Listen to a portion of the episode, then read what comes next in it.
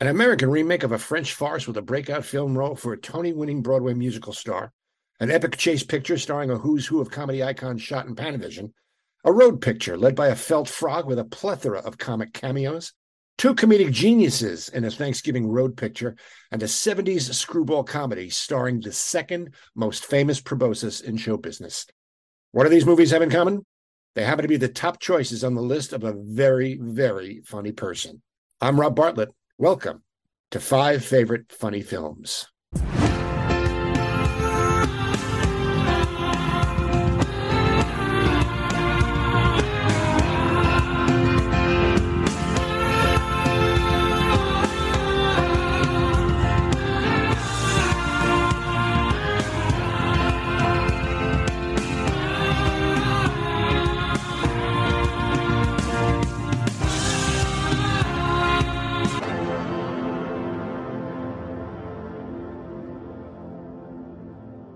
My guest is a nationally touring comedian, cartoonist, writer, actor, and host of an amazingly entertaining podcast, Dystopia Tonight, on Twitch TV, Apple Podcasts, Spotify, and YouTube. He's got multiple TV credits appearing on Fox, VH1, and MTV. He's written for Newsweek. He's got a short film on Amazon Prime he both co wrote and starred in titled Duppet.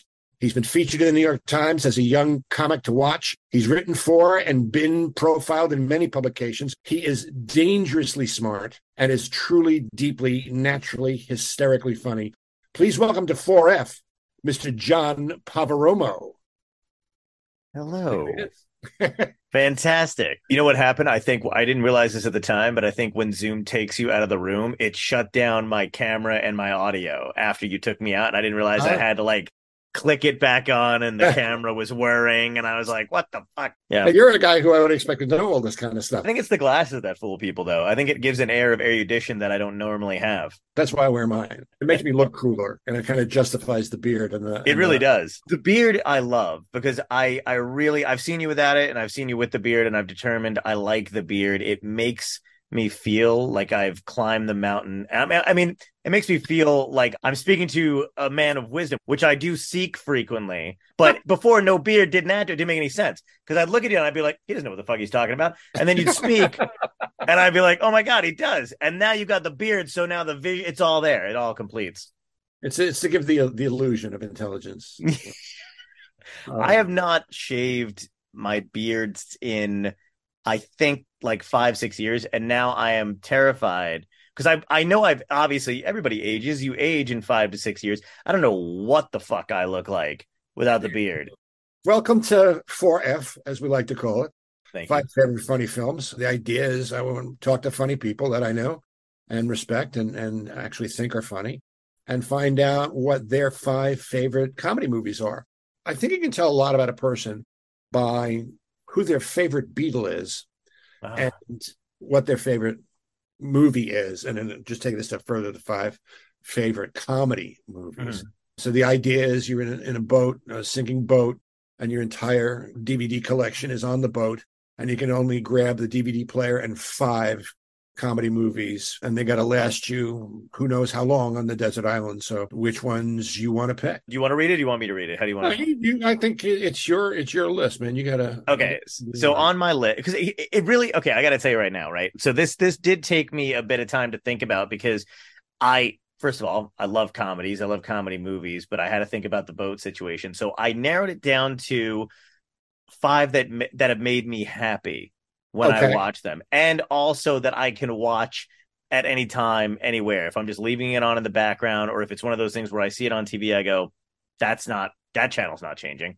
So you know what I mean? And like, Yeah. so Mad Mad World was on the top because literally I was like cracked out of my mind the other night. I was um could not I was like ready to go to sleep. I couldn't handle it and I just turned on the TV as a uh a habit and Mad World was on AMC at three o'clock in the morning and I was like, this is a three hour movie. This will not Yeah. end until 6 a.m. And I was like, and I will watch the and I what I sun came up. I was still like laughing my ass off. Love that movie to death. Um, What's Up, Doc, which I think not a lot of people like, especially my generation, not a lot of people have seen or know about. Flawlessly fucking funny movie. Mhm. Like, like I mean, just the lines, the situations, everybody's in it.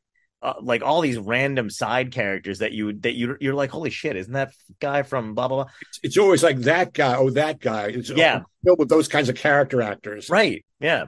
And then um I think I picked what did I pick after that? I picked oh oh planes, trains, and automobiles. Mhm. First of all, it's close to Thanksgiving, and Mhm. I and I did have to pick. I was like, I know I got to pick a John Candy movie. It was a coin toss between that, Great Outdoors, and Summer Rental. And I- Mhm. Uncle Buck, I love Uncle Buck, but I was like, planes, trains, and automobiles. I know that's like a like people either think it's great or not. I I watch that movie every Thanksgiving. I fucking quote it almost every day. I love that movie. I just love the idea that it's a shower curtain ring salesman.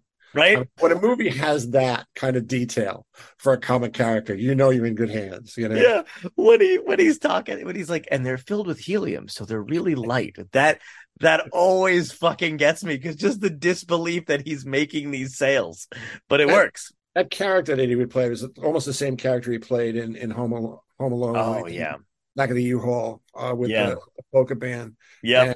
and, and just that that Polka, polka, polka. nice, yeah. Nothing.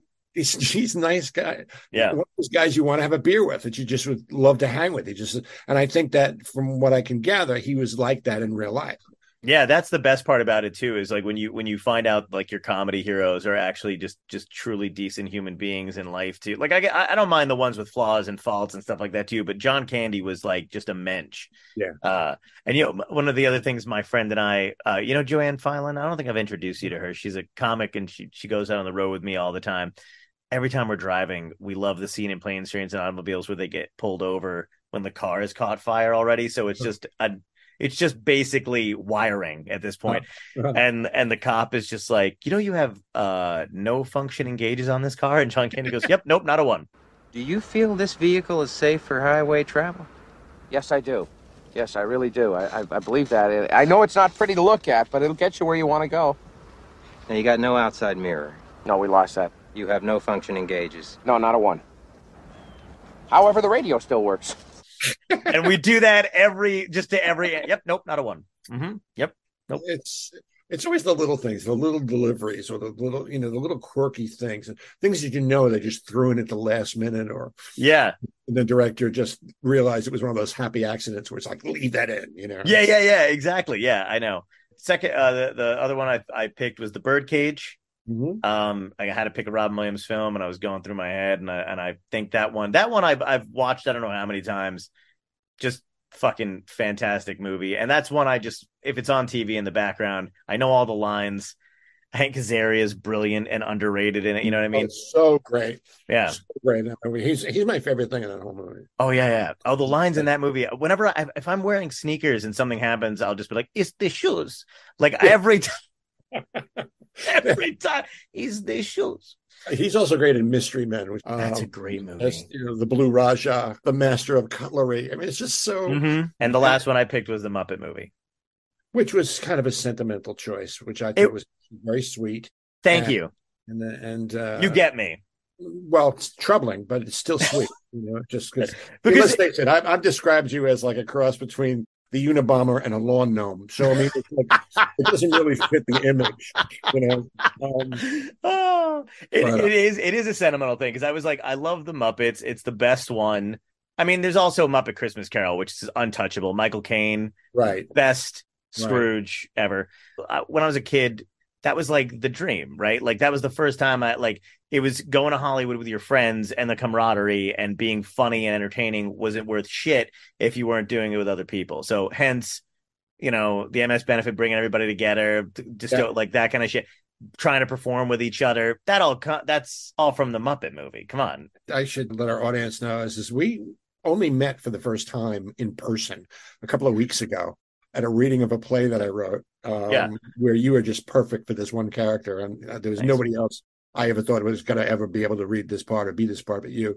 But we knew each other for a couple of years prior to that. It was during COVID that we met Yep. through, I guess it was Richie Byrne and, and Mark Riccadonna.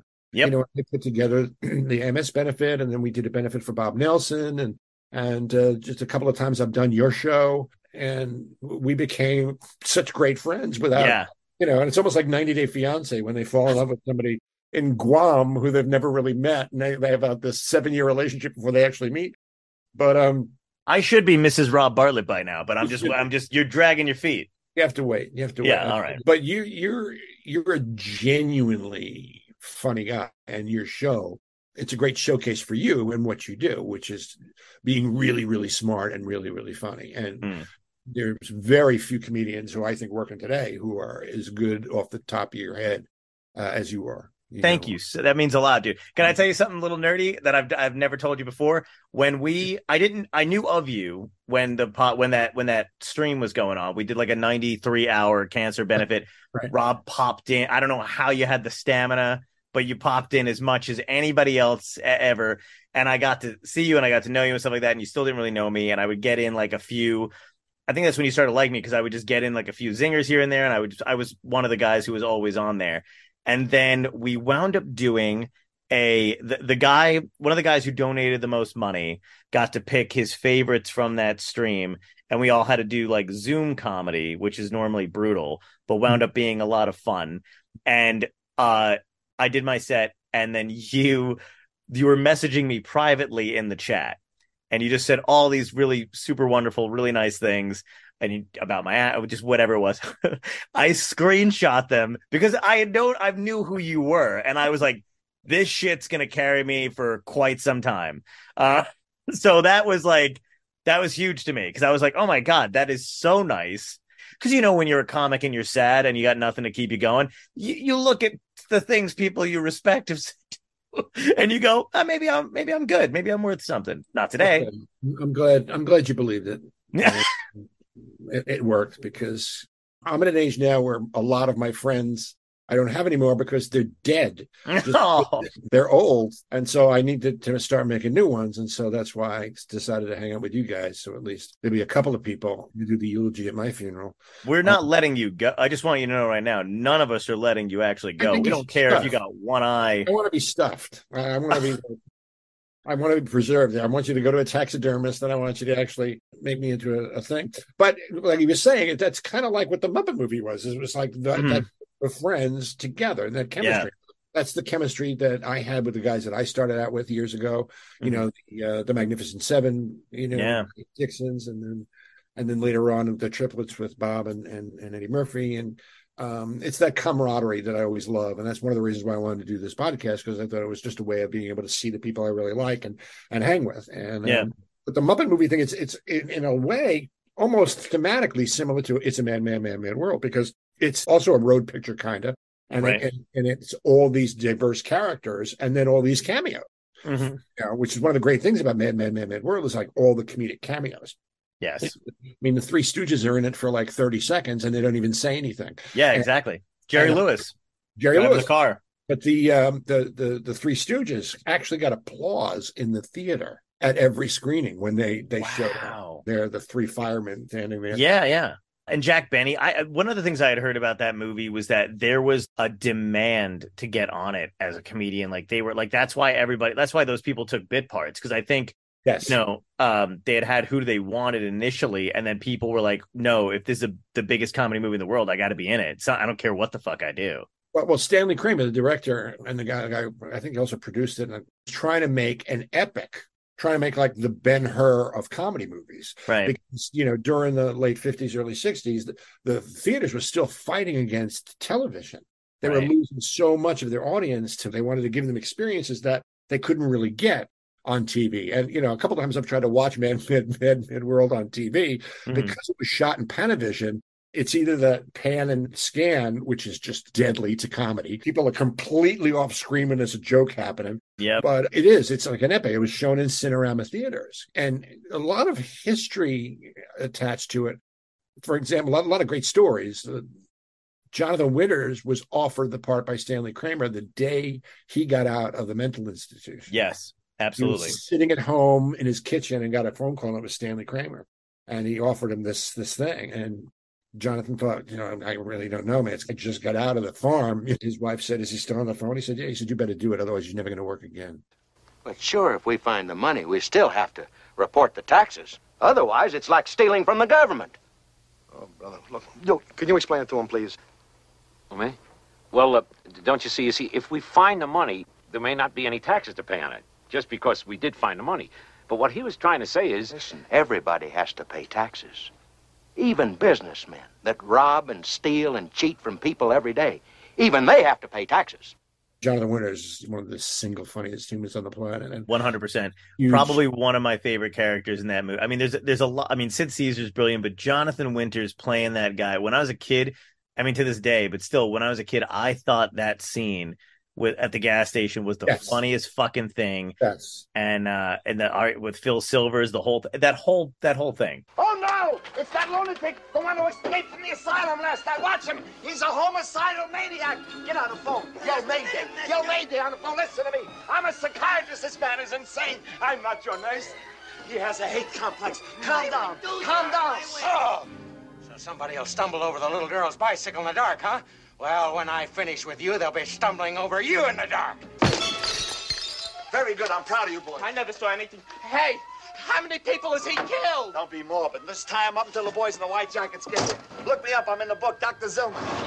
He actually hurt Phil Silvers in that. He actually hurt Phil Silvers got got hurt a couple of times. He got in when the car sinks, the scene where he's driving the car across the lake and the car sinks because he didn't know how to swim. And so Oh. they had to rescue him out of that. And then he got hit from Jonathan Winters.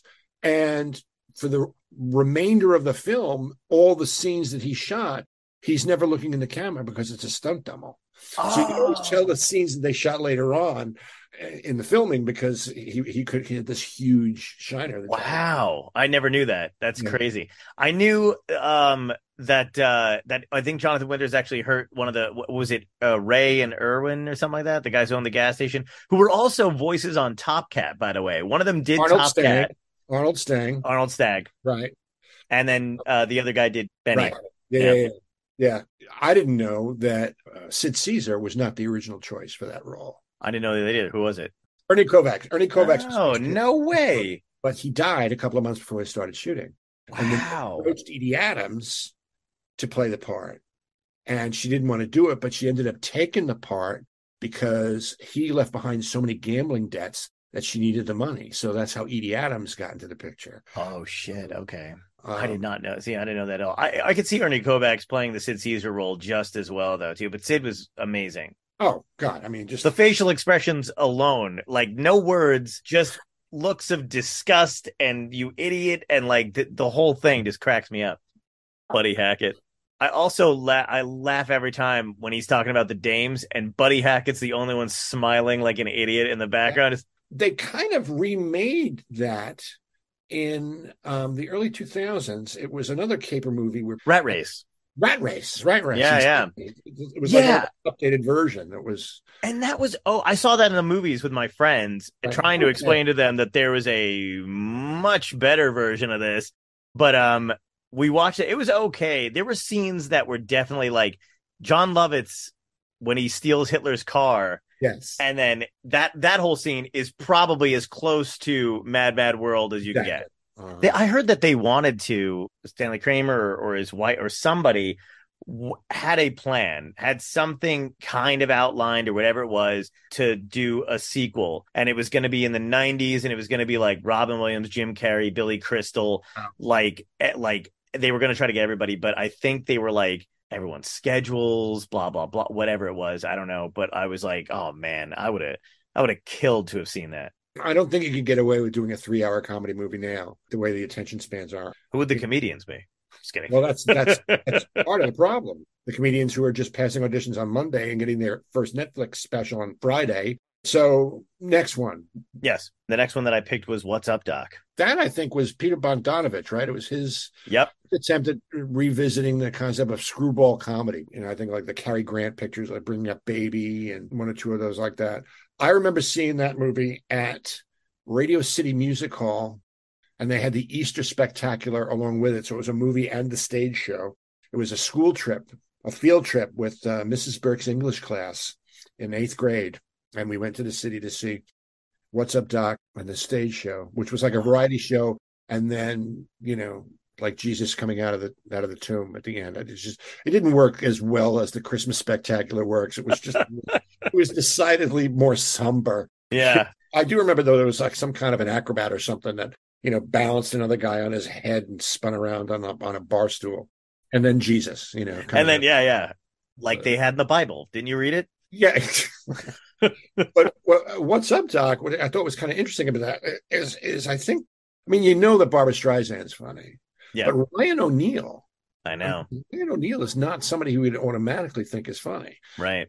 It just doesn't seem to me like that would be the kind of guy who you would expect. Yeah, Wh- which is kind of annoying because I think, as a general rule in comedy, or just in life in general, because Barbra Streisand was at her peak hotness in that movie. Ryan O- O'Neal was a very, very handsome man, and then to go and double down and be funny too, it's just like, well, fuck you. You know, you get to pick one, either be attractive or be funny. You don't get both. That's horseshit. Yeah, it's it's not it's not fair. it's not fair. Uh, but it's not a movie that I think people have seen a lot. Sadly, I mean, because it definitely has its moments. obviously the lines in the movie are funny. The things that they set up in the movie are funny. You're watch like she's she's an interesting character no matter what whether it's whether it's a funny scene or not. You're watching her. Even when she goes in the hotel she picks up the phone she orders room service to a room she's not in. That's clever as fuck and kind of funny how that happens. Right. all the stuff going on in the background with the suitcases. You you really have no idea exactly what's going on but you know she's going to be in the middle of it but then everything else too the the slapstick comedy the plate glass which you know eventually when they're doing the car chase i'm getting ahead of myself but like that is just it's one thing after the other and it builds just, which they rip off in Wayne's World, the plate yes glass thing. yeah Now, does that hold up? Does that movie hold up for you? Yeah, one hundred percent. There's nothing topical in it. I mean, other than the fact that the only time a movie like uh, the only thing that keeps a movie from ever holding up anymore is obviously the technology.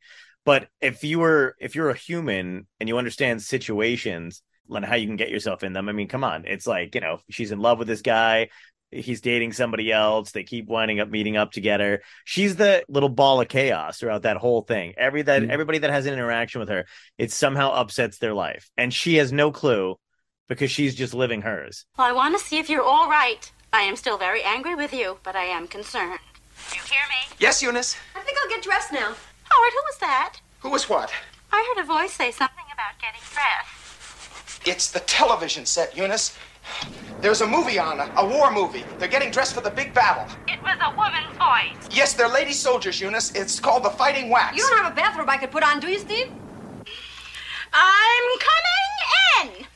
And that's probably like also a very zen way to be. Like sometimes I watch that movie and I'm like, that is half of the shit that I kind of get away with and do. I would order room service to a room and then walk away with the food.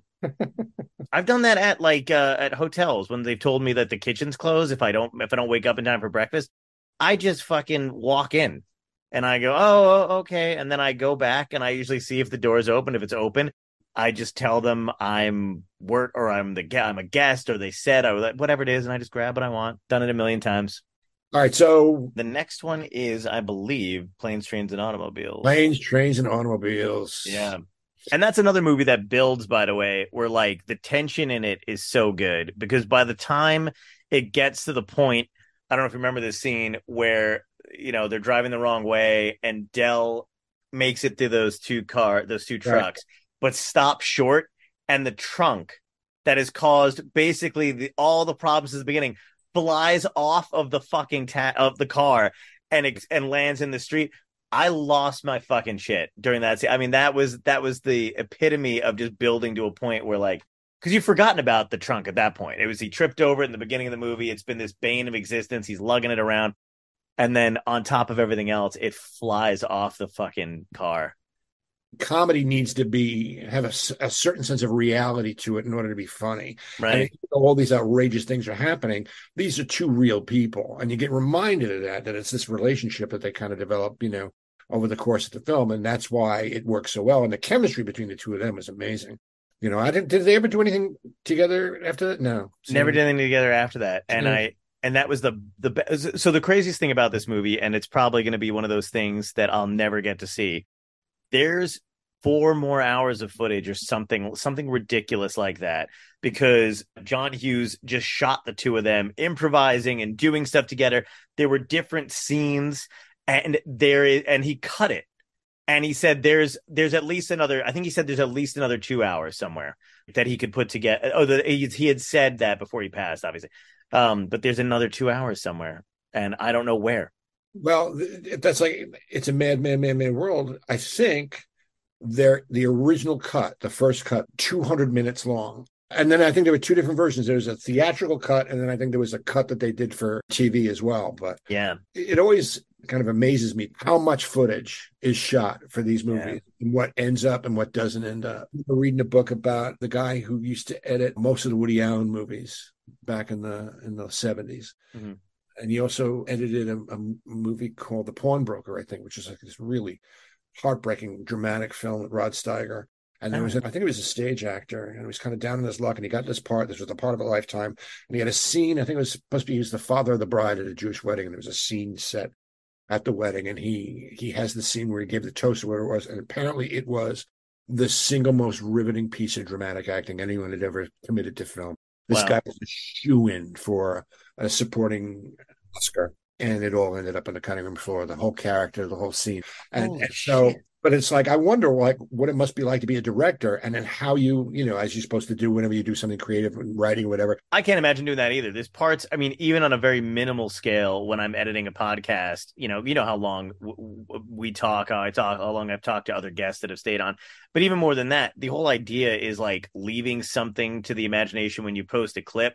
But I fucking, I'm like, this story's so good. I do not want to cut it so that the audience can't experience it. I just want to give them the whole thing. Or even like, there's people who will cut out like, um, you know, ums or uhs, and occasionally like I, I'll like whatever if there's a bit of a gap. But like the most part, I'm like, this is just how this person talks. I don't want to cut out their inflection. That builds the the character of the thing.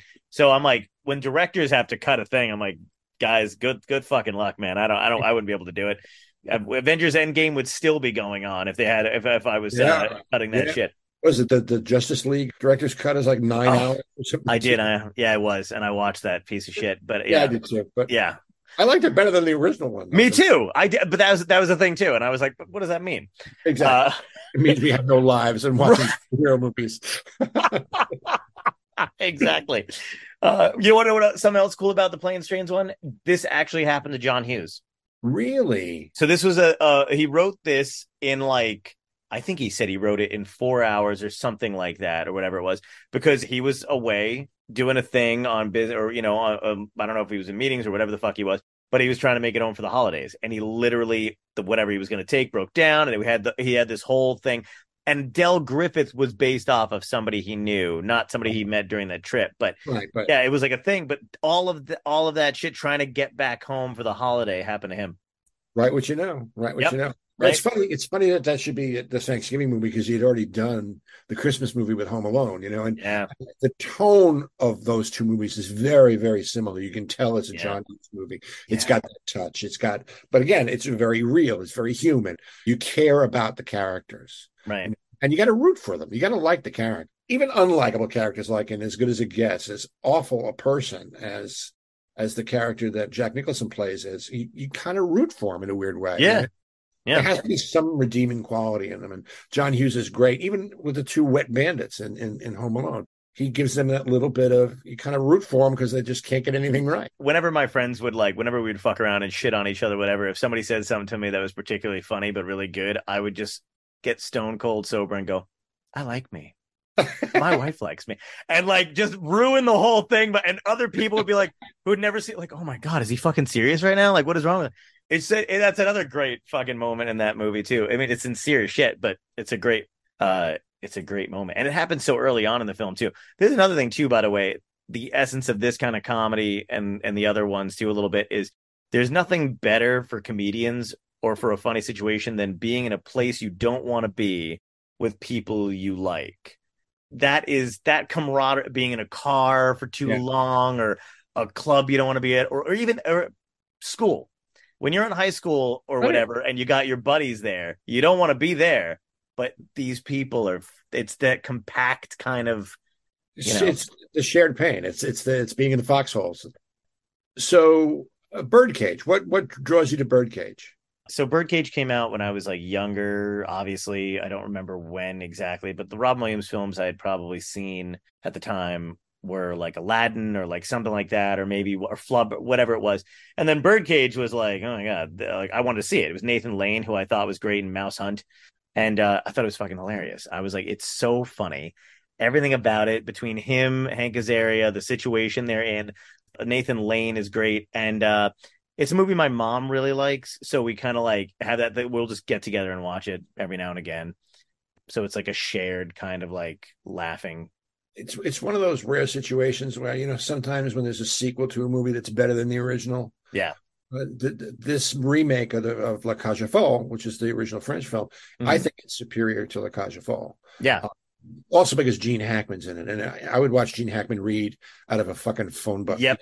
That Gene great. Hackman has some of the best fucking lines in this movie. Also, shit, I quote too when he would like he'll like that scene where he discovers that Nathan Lane's a man, and he just goes, "I feel like I'm going insane." It's the delivery and the time and all that other shit too. And uh, uh, God, he said, the, "Oh my God!" When he's when he's climbing up the stair, up the ladder, and um, uh, Diane Wiest Uh-huh. goes, "You could have fallen." He goes, "I did." like again, it's not a, it's not like if it's written down in paper, you'd be like, mm, but he It's just. I did. Well, it's, it's you don't really expect somebody like him with the gravitas he has as a dramatic actor. I once saw him in a play on Broadway with Glenn Close and Richard Dreyfuss, and it's just a three. It's a three-hander, and uh, he plays some mythical country, and he played some dictator's assistant, and you know, Richard Dreyfuss played a guy who was trying to rise up in the ranks, and and it was after a revolution, and they invite him over for dinner, and Richard Dreyfuss's wife is Glenn Close, and she recognizes the voice of Gene Hackman as a guy who kidnapped her and tortured her during the revolution. And so she ends up smacking him over the head with a, a frying pan and tying him to a chair. Holy shit! And he's unconscious Fuck. for about a good 20 minutes on stage. Wow. And Richard Dreyfuss and Glenn Close are acting up a storm around him. You couldn't take your eyes off of Gene Hackman, slumped in a chair, unconscious. That to me is so much funnier. It's like the the airplane movies when you see all these guys who are associated with these B movie, you know, pot boilers and stuff. You know, it's it's Robert Stack and it's it's Lloyd Bridges and it's Yep. Leslie Nielsen and all these guys you don't expect, and they're doing this deadpan humor. It's three times funnier. It's always Yeah. funnier when they don't know that they're being funny. When a character is unaware how funny they are, it always makes it that much funnier. Absolutely. Like, for example, Gene Hackman in in Young Frankenstein, he begged Mel Brooks to play the blind man in Young Frankenstein, and and uh, he was going to do it for nothing. He, he really- he just wanted to be in a Mel Brooks movie, and that is one I think, and that's a movie that is loaded Yep. with like classic scenes. But that's with with Peter Boyle with the soup and the cigar and the, and the blind. It's just it's it's comedic genius. you Yeah. I, I thought about adding Blazing Saddles to the list, but I'm sure somebody's gonna add, cover Blazing Saddles. But like those movies are fucking brilliant. it's hard to pick one Mel Brooks movie. There's three that you can pick easily. Yes. It's it's Blazing Saddles, Young Frankenstein, and of course the original producers with Zero Yep. Exactly. Those are three of the single funniest mo- movies on the planet, and Yeah. and to try and choose between them. And I I used to think that Young Frankenstein was the best, and then Mhm. And then I, I I listened to this podcast where they talk about Blazing Saddles, and you see the the layers of meaning and the point. It actually has a point. Where Young Frankenstein is just like a love letter to the old Universal black and white films, Yeah. done so brilliantly because again, it's done very straight. They don't. There's not a lot of winking and nodding to the camera like there is in Blazing Saddles. But that Blazing Saddles has this whole theme of of not being accepted about Mhm. racism that, that's underlying it. and i think the majority of the reason for that is because pryor was one of the writers Yep. you know he's in the writers room but it's about something so so to choose one out of those those three And just- even I don't, have you ever seen uh, uh Robin Hood Men in Tights? Yeah. That was a great one. I mean, that came out in the '90s, but Yeah. still, it was Cary Elwes is great, and it the whole all the lines and stuff with um the blind guy, and he's on top of the uh watchtower, uh-huh. and Robin Hood comes by, it's Cary Elwes, and he goes, Blinkin, what are you doing up there? And he goes, I guess no one's coming. Let's go. Get down from there, you do it. And then you know the whole thing, and then there's like, oh, and Richard Lewis as King, Yeah. as the you know, and he just goes, uh, one of the other lines that my friends and I quote all the time, but he just does that thing where uh they capture Robin Hood, and he goes, Hey, this weekend we're gonna have a wedding or a hanging. Either way, we're gonna have a little fun though, huh? Like he's just trying to ravel up the crowd. Like it's just it's just dumb shit like that that makes me laugh so hard.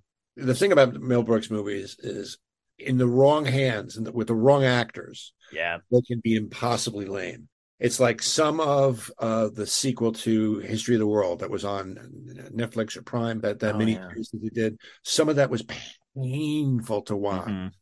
And then you see a movie like Blazing Saddles, and you see Harvey Korman and Madeline Kahn, Ugh. who, you know, who was in What's Up, Doc? By the way, Yep. we have to Yep. mention.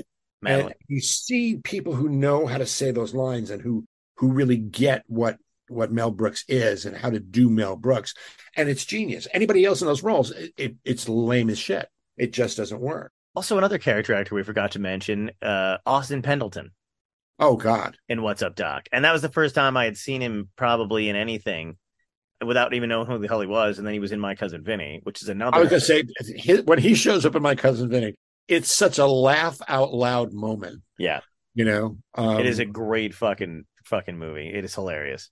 What's great about the Birdcage, getting Mm. back to that, Sorry. on, on a tangent here. Yeah. I think that this is the movie that really made Nathan Lane a universal star. I think it's Yes. what really put him over the top. I mean, I've worked with him. I was an odd couple with him on Broadway, and and I know just what a real genius he is, and what a total pro he is. He shows up first day of rehearsal completely off book, knows all his lines. One of the singularly most funny people on the planet. Just just a funny, funny, funny person. But in this this movie, he really, I think, gave everyone a, a a chance of seeing just how unbelievably talented he is. Oh God, yeah. There's so many great great lines in that movie, and the one that Robin improvised uh when he slips because he was he didn't mean to slip they, the Oh. the pot that they and so when they're in the kitchen Right. and when they're when uh, Hank Azaria is cooking Right. another good line when uh when the son whoever the son I can't remember the son's name but when he goes you can cook and he goes your father seems to think so Armand, why don't you let me be in the show? Come on, aren't you afraid of my watermelonness? Your what? My watermelonness, my natural heat. You're afraid I'm too primitive, right? To be on the stage with your little estrogen rockets, right? again, just fucking the greatest delivery, greatest line. But yeah, they're in the kitchen or whatever, and Rob Williams is like, "Where's the what the fuck is chicken pheasant stew?" And he's like, "I don't know. I make it up. I make it up." And then, and then, but water slips on the floor, and Robin slips and hits the floor, and he's like, "What about the gyms?" He's like, "Fuck the gyms. Fuck stop!" And he's like, la- he actually starts to laugh a little Yeah. bit. He's like, "Just go!" And, and yeah, he wasn't supposed to fall, and they left it in the film. That's Mike Nichols, brilliant. really the timing of that is just so great. And so, it was cool to see Robin kind of tone down a bit. I mean, like I've seen, I you know, like uh, it's it's one of those movies where like it's realized how funny is. He radiates the the same energy that he's got, but it's really contained, Contained. And it's awesome. I was gonna pick, by the way, Good Morning Vietnam. Love that movie. When I was a kid, that was like my fucking. I had the CD with the music on it. I was a weird kid. The CD that they made for it had his radio things from oh, had his had his raps. Uh, yeah, Yeah, and and like his um introductions to the. So it was like Oh, you were listening to yeah. a VJ. Yeah, like hitting hitting the post and uh, Yeah. the way the way AM DJs used to be back in yes, the day when when radio was actually a thing. Now he's a guy who's done an incredible amount of work. yeah, he's the best. Uh, Muppet movie. I mean, I love the Muppets and stuff like that, but it it's got great, great comedic timing. So as a kid, like that's one of the things I picked up from that kind of stuff is that they it's a it's you know I wouldn't even call it a kids movie, but kids do watch it. There's nothing like vulgar in it really, or like stuff that would go over their head anyway. But the timing is fucking spot on, true comedic genius timing in that film. Um, Steve Martin's in it, Richard Pryor's in it, Mel Brooks cameos in it. Say goodbye to the frog, pig. Why should I? Because in ten seconds, he won't know you from kosher bacon. That does it!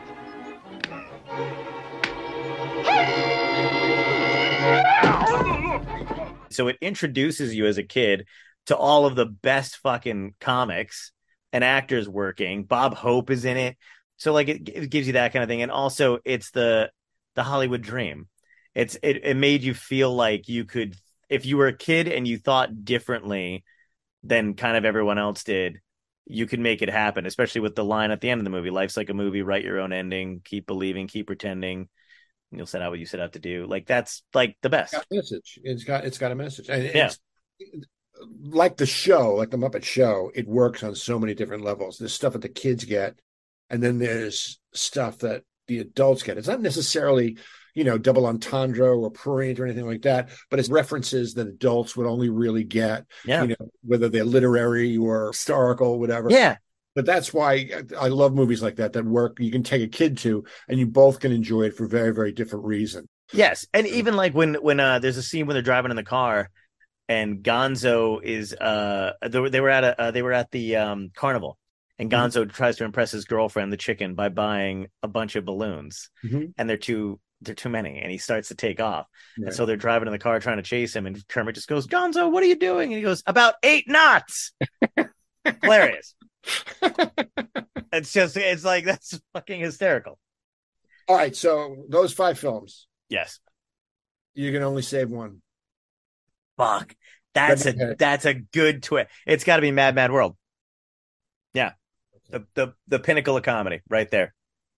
Which movie has the best quotable line? The best quotable line. Um it's got to be for for me personally or in the in the world. No, for for you personally. This is about you. This is your Oh. I would I would say planes trains because that's the when I I'm on the road all the time and when we when we drive in that car we just we'd always do the yep nope not a one. No, not a one.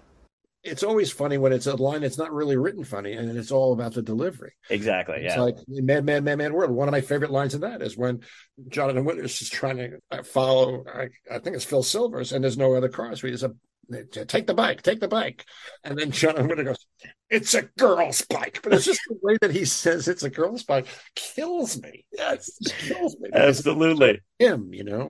Yeah. And my I, one of the things I think of all the time when I'm pissed at somebody from Mad Mad World, Buddy Hackett's line. I texted a friend to turn it on because I was like, "This is the best." He'd already seen it, but I was like, "This is the best, one of the best lines in the movie." When he says to Ethel Merman, "Except you, lady, may you just drop dead." is my, I mean, I mean, including the guy- old. I remember seeing him in The Love Bug when I was a kid. Oh, me too. and how funny he was in that. Just really, I never really seen him before, and then I would see him in, in other, you know, character parts and whatnot. Mhm. There's a clip of him on the uh, Carson show where he tells a joke, um, tells a joke about the duck hunter, Oh, yeah. and the duck lands in the farmer's yard. And he he does the whole thing and acts it out, and he he really just like tells the joke, like really gets into like Gilbert Gottfried telling the uh, the Aristocrats. at, at Yeah. the roast. I mean, he just, uh, but he Hackett just sells the joke, and Carson is literally just falling all over the desk laughing Yeah.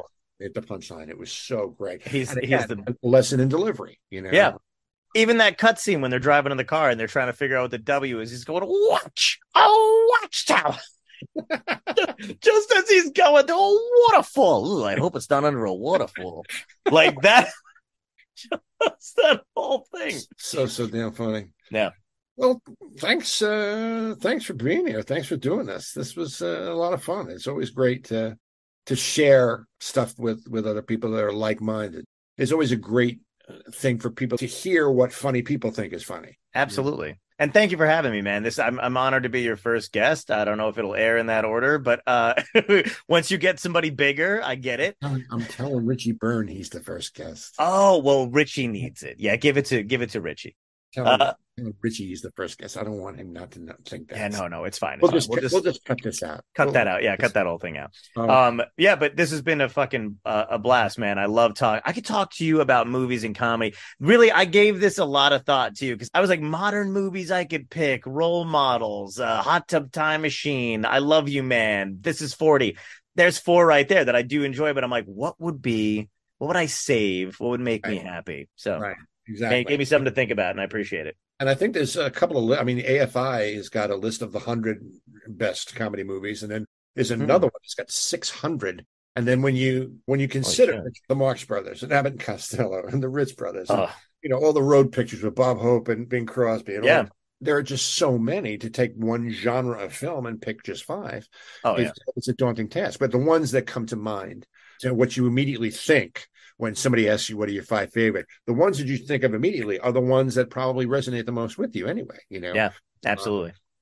I mean, whenever anybody asks me what my favorite comedy movie is, it's uh, I never hesitate. What is it? Schindler's List. It's uh, no. I was just I was trying to think of something that was like really, really inappropriately and not funny. Um, Can I tell you what you've conditioned me to get from you though? And I forgot for a second that this was not my podcast. Is when you said, "You know what gets me?" I thought you were going to leave the fucking room, and I was like, and then I, and then my brain went, "No, he can't leave the room. It's his show." You have to explain to people what that that bit is. So so Rob, Rob is the master at luring you into anything, sentiment, uh, a, a, a great build up to a joke or whatever it is, and then before he gets to the end, cutting out and fucking ditching, leaving, blind, and you're just like, oh, that, ma-. and like half the people are like, oh God, we got to get him. Did he lose? Did somebody get him on the phone? And the rest of us are just like, this fucking guy got us again every every time it's beautiful it's masterful i'm gonna put a i gotta get like a cut a, a, a stream of them all together and then just an edit a montage of you bailing John Poveromo, a very, very funny man. You must, folks, subscribe to um, Dystopia Tonight with John Poveromo, the, the guest list. He's he's got like some serious people on this show, and it, like trying to get guests for, for this show is just I'm basically just calling in favors with friends. But he's getting like like real serious people on his show, and it's always it's so diverse. I mean, it, it gets political, it gets musical, it gets humor, it's funny, it's movie stars. It's just it's it's really it's really it's an enjoyable and and fascinating uh, hour or so, and I, I recommend it highly. Where can they find that? they can find it at dystopiatonight.com all the episodes all the guests There you go. So I recommend it. And where where are you going to be next? What do you got coming up? Um, I am going to be eating Thanksgiving dinner. I think I got nothing else going on right now. I'm editing. There's an episode with Ed Begley coming out tomorrow. He's promoting his new book, um, which is uh to the Temple of Tranquility and Step on It. Uh, Which I, you know, people send me books all the time. I don't always read them. Uh, I read his because I love that dude, and uh, amazing book. Like I cannot believe the life that guy's led. So that episode's coming out tomorrow. Awesome. Um, but I got gigs in 2024. I'm going to be all over. I'm going to be back in DC taping a thing, so that'll be nice. You know, I got to come back on that show. Please. Well, the last time I was on it, it never ended up airing. So I know. I don't I even was- know. Was I oh? I know. I know why. Yeah. Well, I, we can cut not to bring it down. Yeah, my my uh, dad died. Um, but that Oh, was okay. just a just a bit of a hiccup in my well, life. here's here's my point. Why Yeah. should your dad dying have to affect my career and my promotion of, of what I'm doing? I can still I can still air it. By the way, it's still there. I can still pump it up there. But it was funny. Uh, uh, yeah, I, my Yeah, dad should probably do a new one. I should probably do a new one anyway. But Yeah, absolutely. Come on, we'll do a new one. But seriously, you you are not only one of the funniest people uh, I've ever seen, and always laugh when I when I see you. But you're one of the the best people I know, and it's always a great hang with you. And um, you know, in this business, you can you really can't say that about too many people. You know, I can count literally in the fingers of one hand how many people who are as genuine and fun and decent and kind and thoughtful. And I met you, and I felt like I'd known you forever. You know, it's like one of those things where it's just kind of the chemistry. Likewise. I really, I really appreciate that. So, uh, just so you know how much that means to me, that I can't. This mother, I'm, I literally, I'm like about to, I'm getting ready to say something, and he's gone. This is what he does, and he'll leave you. He'll never come. I don't even think it's his. sh- How, how could he? I, I, what, what, what? You know, that's that's not even my my thing. I don't even know. You know, does he know? He's probably going to make a sandwich. What do I do now? I just sit here. I don't even know if I should leave. Like I, I, ha- he's very. I feel the same way, Rob. Rob, I feel the same way. Five Favorite Funny Films is a Babyhead production, written, produced, and edited by me, Rob Bartlett. The 4F theme song composed by Gary Grant. Mr. Bartlett's wardrobe provided by Botany 500. Our show was taped live in Cleveland, except for the parts not taped in Cleveland, in front of a non existent studio audience. No animals were harmed in the recording of this podcast. We'll see you again on the next Five Favorite Funny Films. Until then, be kind to each other, won't you?